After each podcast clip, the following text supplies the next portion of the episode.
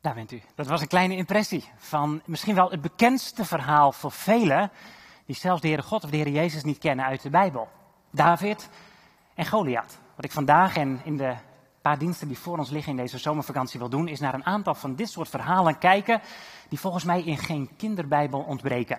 En vandaag het verhaal van David en Goliath. Met het diepe verlangen natuurlijk dat dat verhaal voor ons als kinderen van de Heer niet een platgetreden pad zal zijn, maar dat als wij zo dadelijk dit gaan lezen, dat we onder de indruk zullen raken van wat de Heer heeft gedaan duizenden jaren geleden door dit jongetje heen, door David heen, om deze reus van een man, Goliath, te verslaan. Het verhaal van David en Goliath wordt door heel veel mensen wereldwijd opgepakt als ze nadenken over een strijd die gevoerd moet worden, waarbij je eigenlijk sprake hebt van een enorm sterke vijand en een die echt een, een grote underdog, die bijna gedoemd is te, te verliezen. Dan wordt wel altijd de vergelijking getrokken met een David en een Goliath. Ik moest aan onze eigen situatie denken. U hebt hem misschien vorige week gezien. Ik begreep mijn ouders, die een aantal weken in ons huis zaten, hebben samen met Pastor de groeten gedaan. Vorige week, Pastor is onze herder. Het is een goede herder en wij wandelen altijd met hem. Een grote herder, moet ik zeggen. En toen wij Pastor in huis kregen, toen was het verlangen ook, als wij een hond krijgen, dan moet het ook wel een beetje een hond zijn. Leonie, die wilde graag een herder, dus wij Pastor in huis halen. En wij wandelen met hem en wij trainen hem en wij leren hem om uh, te gehoorzamen, ons te volgen. En als mensen ons soms zien komen met pastor, hij is 70 centimeter groot, dan roepen ze al van afstand, in de kweer! is het een hoon? Is hij boos? Kunnen we erop vertrouwen dat jullie hem in de hand hebben? En ja hoor, hij durft niet heel veel. Pastor heeft namelijk ook te maken gekregen met Karel. Karel is een kater. Was een kater, moet ik zeggen. Karel woont bij ons verderop aan het grasland. En de eerste keer dat ik met Pastor, 70 centimeter groot, een grote reu aan mijn zij, door de straat liep, riep de buurvrouw: Pas op voor onze kat. Pas op voor onze kat. Ziet u die hoektanden van Pastor? Die zijn drie centimeter groot. Wat zou jullie kat willen uithalen? En Karel die kwam op Pastor afgestormd. Ze sprong op zijn rug. Ze zette zijn nagels in zijn rug. en sinds die tijd liep Pastor met een grote boog om Karel heen en wij met hem. En zo zien wij menig hond bij ons door Grasstraat lopen in de jaren dat Karel daar was. En weet u hoe Karel genoemd werd? Karel de Grote. En alle honden wisten wie Karel was. Een David en een Goliath. We kennen geschiedenissen van, van oorlogen. Denk aan Israël. Israël, het is een godswonder dat het is op de plaats waar het vandaag is. Want in 1948, toen het volk minimaal was, na jaren van vermoord worden, onder de handen van de grote antichrist Hitler en met hem velen, mochten ze eindelijk terug naar die postzegelgrond die God aan Abraham had geloofd. En meteen werden ze van alle kanten aangevallen. En als je de verslagen leest over de oorlog in 48, 49, hoe soms met één mitrailleur tussen de bergen het geluid weer klonk en de legers op de vlucht sloegen. Jordanië, Egypte, Syrië, ze waren nergens. Omdat de God van de hemelse machten met Israël was, dan zie je dat een David het op kan nemen tegen een Goliath. God, die staat ons in ons leven confrontaties toe. En confrontaties, die hebben wij op ons pad nodig om te leren te vertrouwen op Hem. En als wij David zouden vragen, David, als dit verhaal de boeken in moest gaan, en jij zou weten dat er geen kinderbijbel wordt geschreven, waarin niet één van de hoofdstukken minimaal David en Goliath is, wat vind je daarvan, David? Dan denk ik dat David ons zou antwoorden: Ik ben blij dat de Heere het vertrouwen dat ik als jongetje van nog geen twintig jaar oud, want je was minimaal twintig jaar oud als je in het leger van Israël diende. En David was geen soldaat. Dat dit heeft uitgewerkt, dat mensen leren te vertrouwen op de Heer. Maar het verhaal had wat David betreft niet over David en Goliath hoeven gaan. Als je David had gevraagd, wat moet de titel van dit hoofdstuk worden? Dan had hij gezegd, laat het de naam boven alle naam zijn die ik moet opnemen tegen Goliath. Want het is niet in de naam van David geweest, zoals Saul niet in de naam van Saul durfde. Het is in de naam van de hemelse legermachten geweest. Dus zeg misschien voortaan maar het verhaal van Jezus en Goliath. En David, het kleine jongetje, die alleen een slinger heeft en een stok. Tegen een kerel van 6 L, dus drie meter lang. David zou gezegd hebben, dat had ik toch niet gekund. Laat het het verhaal van, van Jezus en Goliath zijn. David wordt geconfronteerd en God staat hem deze confrontatie toe, omdat God door David heen wil gaan werken. Jij en ik, we hebben allemaal onze eigen confrontaties. Ik dank de Heer voor gesprekken die ik met soms leidinggevenden heb moeten hebben in mijn verleden. Die soms als tirannen bijna met de vuist op tafel konden slaan, boven me uittorende. Ik heb het wel eens verteld van een baas die mij niet betaalde. Ik was 18 jaar en dan ging ik naar hem toe. Dan zei ik, ik zal toch niet uw duurste werknemer zijn als 18-jarige. Maar als u mij laat rijden als koerier, ik ging het hele land voor hem door. En u betaalt me niet, zeg dan liever dat u me niet kunt betalen. Maar laat me niet werken voor u als u uw afspraken niet nakomt. En dan, dan werd hij boos en dan torende hij boven me uit en dan begon hij te trillen en dan sloeg hij met zijn vuist op tafel. Wat een, wat een beproeving was dat. En daar heb ik angst van gehad. Om weer te zeggen, ik ga er weer naartoe. Ik moet weer op mijn strepen gaan staan. Ook later dat ik in situaties kwam waarbij mensen zichzelf soms niet in de hand hadden en groot werden. En dat ik moest leren, Jacob, ga door die confrontatie heen, want elke stap die de Heer je hierin laat zetten, zal een stap van overwinning in Jezus' naam zijn als je zegt, ik kom als een kind van de Heer, maar ik hoef me niet te laten gebruiken door u. Zo hebben we allemaal onze slagen te slaan. Ik ken jouw angst niet. Ik weet niet wat op dit moment jouw ziekbed misschien voor jou betekent. Ik weet niet welke gesprekken jij te voeren hebt. Welke gevechten jij misschien s'nachts in je dromen of in je wakker liggen wel voert. Als je nadenkt over wat mensen met je doen, wat leidinggevenden met je doen, wat je ouders misschien gedaan hebben, welke gesprekken je nog met je kinderen zou moeten voeren. Maar dit weet ik wel. Als wij luisteren naar het verhaal van David, zou hij ons zeggen: sta op in Jezus' naam en zeg: ik ga met de Heer Jezus hier dwars doorheen. Zoals we het in dat fragment zagen, zelfs al ga ik door een dal van diepe duisternis, ik vrees geen kwaad, want God is bij mij. En dan weten wij als kinderen van de Heer, omdat het het verhaal van Jezus en Goliath is, Jezus heeft de dood en het dodenrijk overwonnen. We hebben gezongen, u bent onze grote overwinnaar. Wij zijn meer dan overwinnaars met Jezus. Al zouden we sterven. Wij sterven niet, maar we hebben eeuwig leven. En daarom hoop ik, en daarom bid ik, dat David ons zal aansporen om vandaag misschien wel op te staan en te zeggen, ziekte, ik kijk je in de ogen en in Jezus' naam, ik ga er dwars doorheen. Baas, ik kijk je in de ogen en ik ga er dwars doorheen. Ik zal met je spreken. Geliefden, ik kijk jullie aan en ik ga er dwars doorheen. Met de Heer. Want wat gebeurt er op het moment dat wij dwars door het dal heen achter de Heer Jezus aangaan en wij zeggen wij vertrouwen? Op dat moment ziet een heel volk om ons heen wat er gebeurt in ons leven. Dat Jezus ons de overwinning geeft. Dat we ons geen angst laten aanjagen. Dat Hij het ons schenkt. Ik lees met jullie een geschiedenis uit 1 Samuel 17. En de schrijver van Samuel heeft van alle veldslagen die hij over David heeft opgeschreven, voor deze veldslag de meeste woorden gekozen. Ik lees twee fragmenten. Het is het langste verhaal, dus dat wil wat zeggen. 1 Samuel 17, vers 1. De Filistijnen bereiden opnieuw een oorlog voor. Ze verzamelden zich in Sogo in Juda, sloegen hun kamp op in Efes Damim tussen Sogo en Azeka. Saul riep het leger van Israël op en sloeg zijn kamp op in de Terebintenvallei. Daar stelden zij zich op tegenover de Filistijnen. Op de ene helling stonden de Filistijnen en op de andere de Israëlieten. Het dal lag tussen hen in. Uit de gelederen van de Filistijnen trad een kampvechter naar voren, een zekere Goliath uit Gat. Een man van ruim zes el lang. Hij had een bronzen helm op zijn hoofd, droeg een bronzen schubbenpanzer dat wel 5000 shekel woog. Ook zijn scheenplaten waren van brons, evenals het kromzwaard dat over zijn schouder hing. De schacht van zijn lans was zo dik als de boom van een weefgetouw en de punt was gemaakt van 600 shekel ijzer. Een schildknecht ging voor hem uit. In het dal bleef de Filistijn staan en riep de Israëlieten toe. Waarom zouden jullie optrekken en slag leveren? Ik ben een vrije Filistijn en jullie zijn maar slaven van Saul. Kies iemand uit jullie midden en laat hem hier beneden komen. Als hij me aan kan en mij verslaat, zullen wij aan jullie onderworpen zijn. Maar als ik hem aan kan en hem versla, zullen jullie aan ons onderworpen zijn en ons als slaven dienen. Hierbij daag ik het leger van Israël uit om me iemand te sturen met wie ik een tweegevecht kan houden. bij het horen van deze woorden stonden Saul en het leger van Israël verlamd van schrik. Dat is het begin van deze geschiedenis.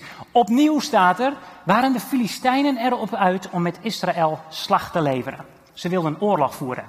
Er is geen oorlog in het Oude Testament die niet gedreven wordt door religie, door geloof.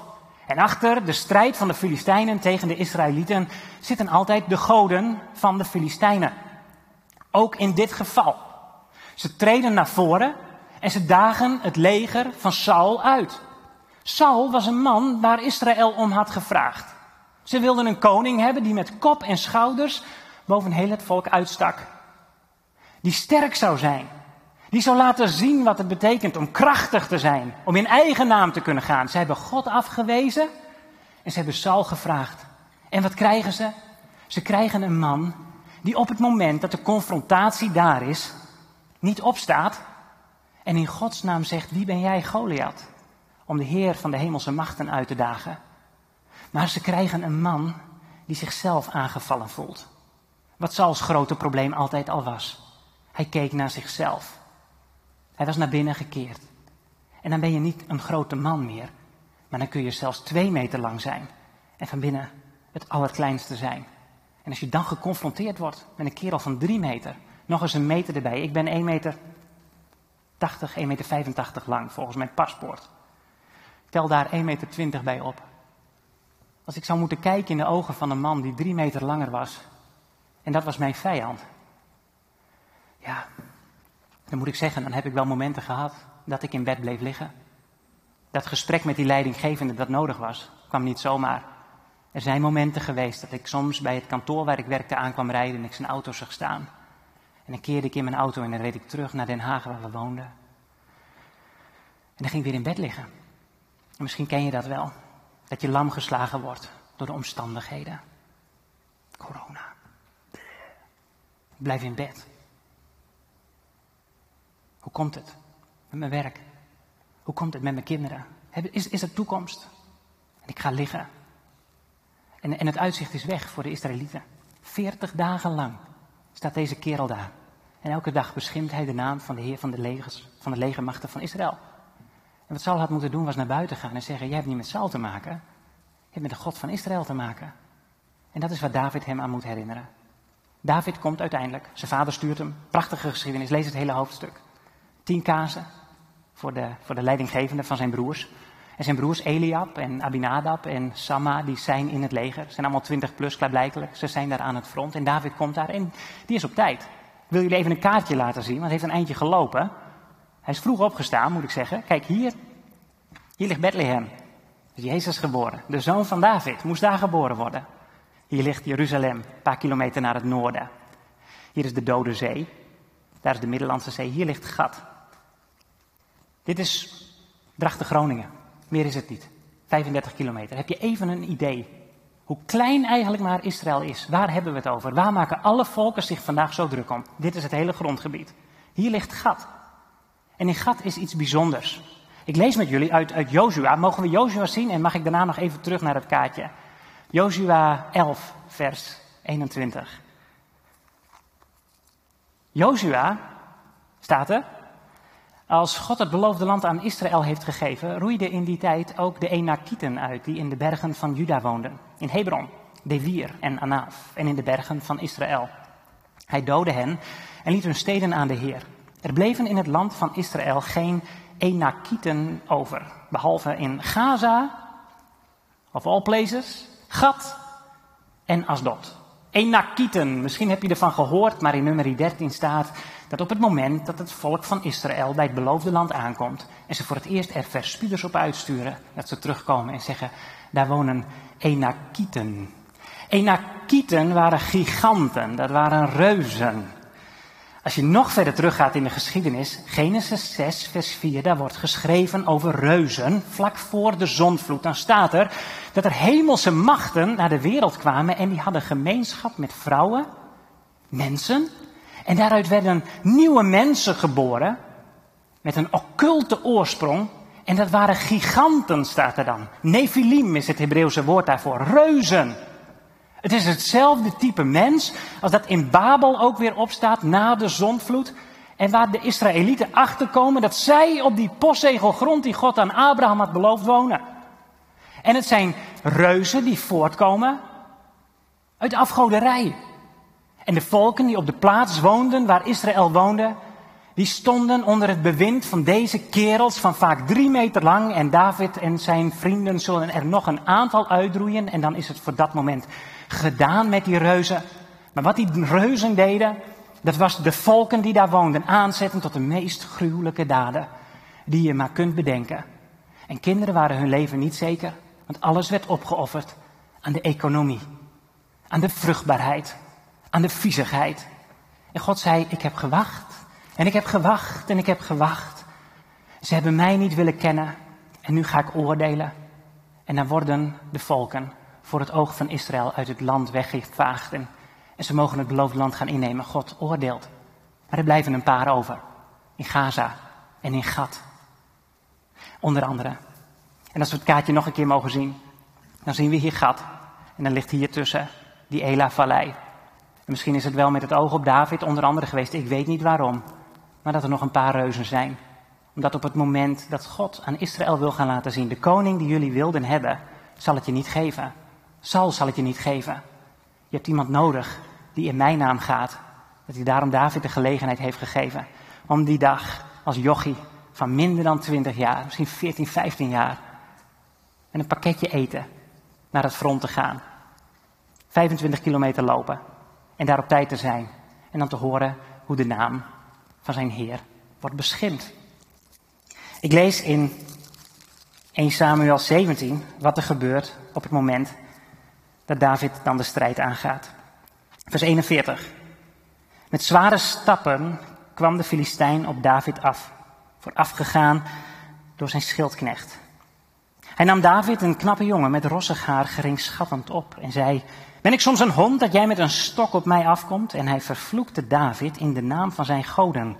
Kom maar op, zei hij, dan maak ik jou tot aas voor de gieren en de hyena's. Jij dacht mij uit met je zwaard en je lans en je kromzwaard, antwoordde David. Maar ik dacht jou uit in de naam van de Heer van de hemelse machten. De God van de gelederen van Israël die jij hebt beschimd. Maar vandaag zal de Heer jou aan mij uitleveren.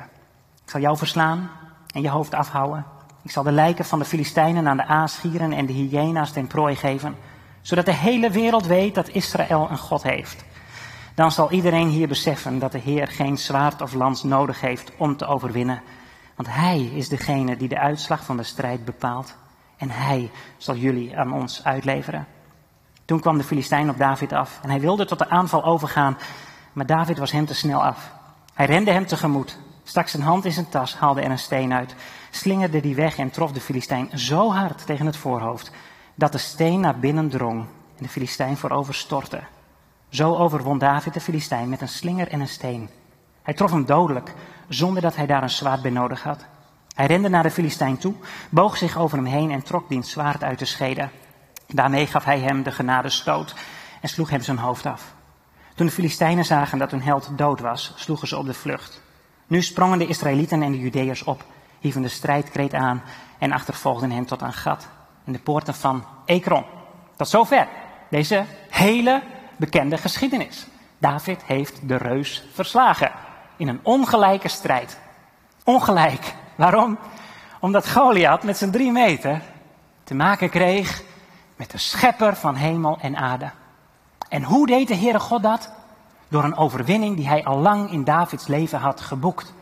Want David David, die keek niet meer naar zichzelf als hij het al gedaan heeft. Ik weet het niet eens. David wist wat teleurstelling was. Zijn vader en moeder, die vergaten hem. Nodigden hem niet uit toen in het hoofdstuk hiervoor Samuel kwam om, om de opvolger voor koning Saul aan te wijzen. Ze vergaten hem. Hij bleef in het veld zitten. Hij wist wat het was om een vader te hebben die hem niet zag. En waarschijnlijk had hij er al mee leren dealen.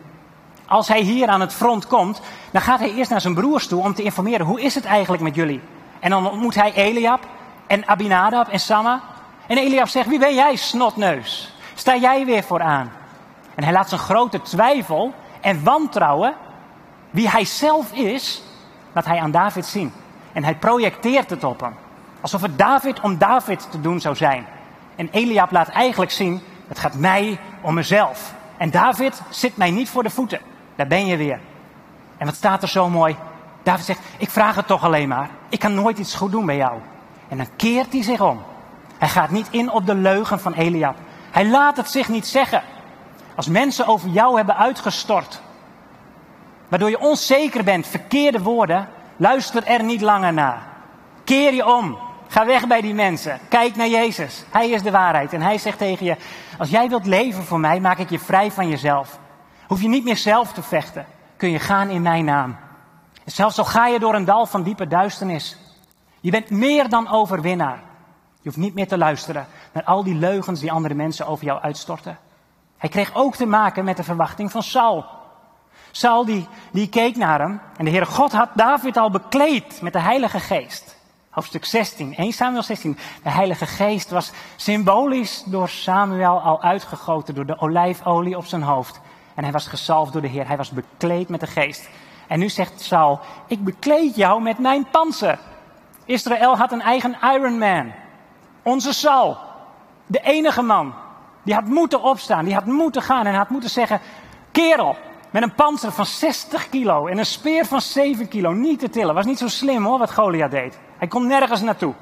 Langzaam was hij geworden. Saul had moeten zeggen, in mijn panzer ga ik. Maar hij durft niet. En dan zegt hij tegen David, doe jij mijn panzer aan. En David probeert het even. En dan zegt hij, Saul, zonder dat op dat moment hardop te zeggen, ik ga geen koning zijn zoals jij dat bent. Ik ga niet in jouw schoenen staan. Ik ga niet jouw verwachtingen op mijn leven laten projecteren. Ik ga daar niet in volgen. Zal, ik zal een herderkoning zijn. Zoals Abraham dat was. Zoals Isaac, zoals Jacob, zoals Mozes. Ik ga om mijn leven te geven. Kom ik om, dan kom ik om. Maar ik ga niet in jouw naam, Saul. Ik ga in de naam van de Heer. En dan ontmoet hij Goliath. En dan kan hij Goliath voorhouden. Goliath, weet jij wat er staat? Op het misbruiken van de naam van de Heer van de hemelse machten. Leviticus hoofdstuk 24. Steniging.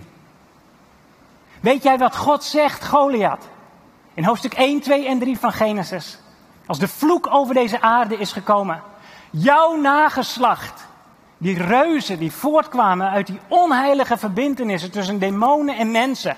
Jouw nageslacht zal de hiel van de mens vermorselen. Maar uit de mens zal één voortkomen die jou de kop zal vermorselen.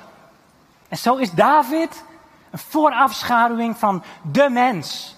De Heer Jezus, die naar deze wereld gekomen is, geboren uit een maagd, puur en rein. De mensenzoon, zoals Jezus dat moet zijn. En David laat ons hier al zien dat door Goliath te stenigen, het uiteindelijk Jezus is die zegt, ik, ik, ik boek een overwinning op de Satan. Goliath is de vlees geworden Satan in dit verhaal. En God weet dat jij en ik in de strijd die het leven ons soms geeft, te maken hebben met tegenstand. Richt je dan niet langer op mensen, maar zeg in Jezus' naam sta ik boven al mijn omstandigheden. Ik kan de wereld aan. Met mijn God spring ik over de hoogste muur. Ik kijk niet naar Goliath met zijn drie meter. Vorige week, Bert was hier.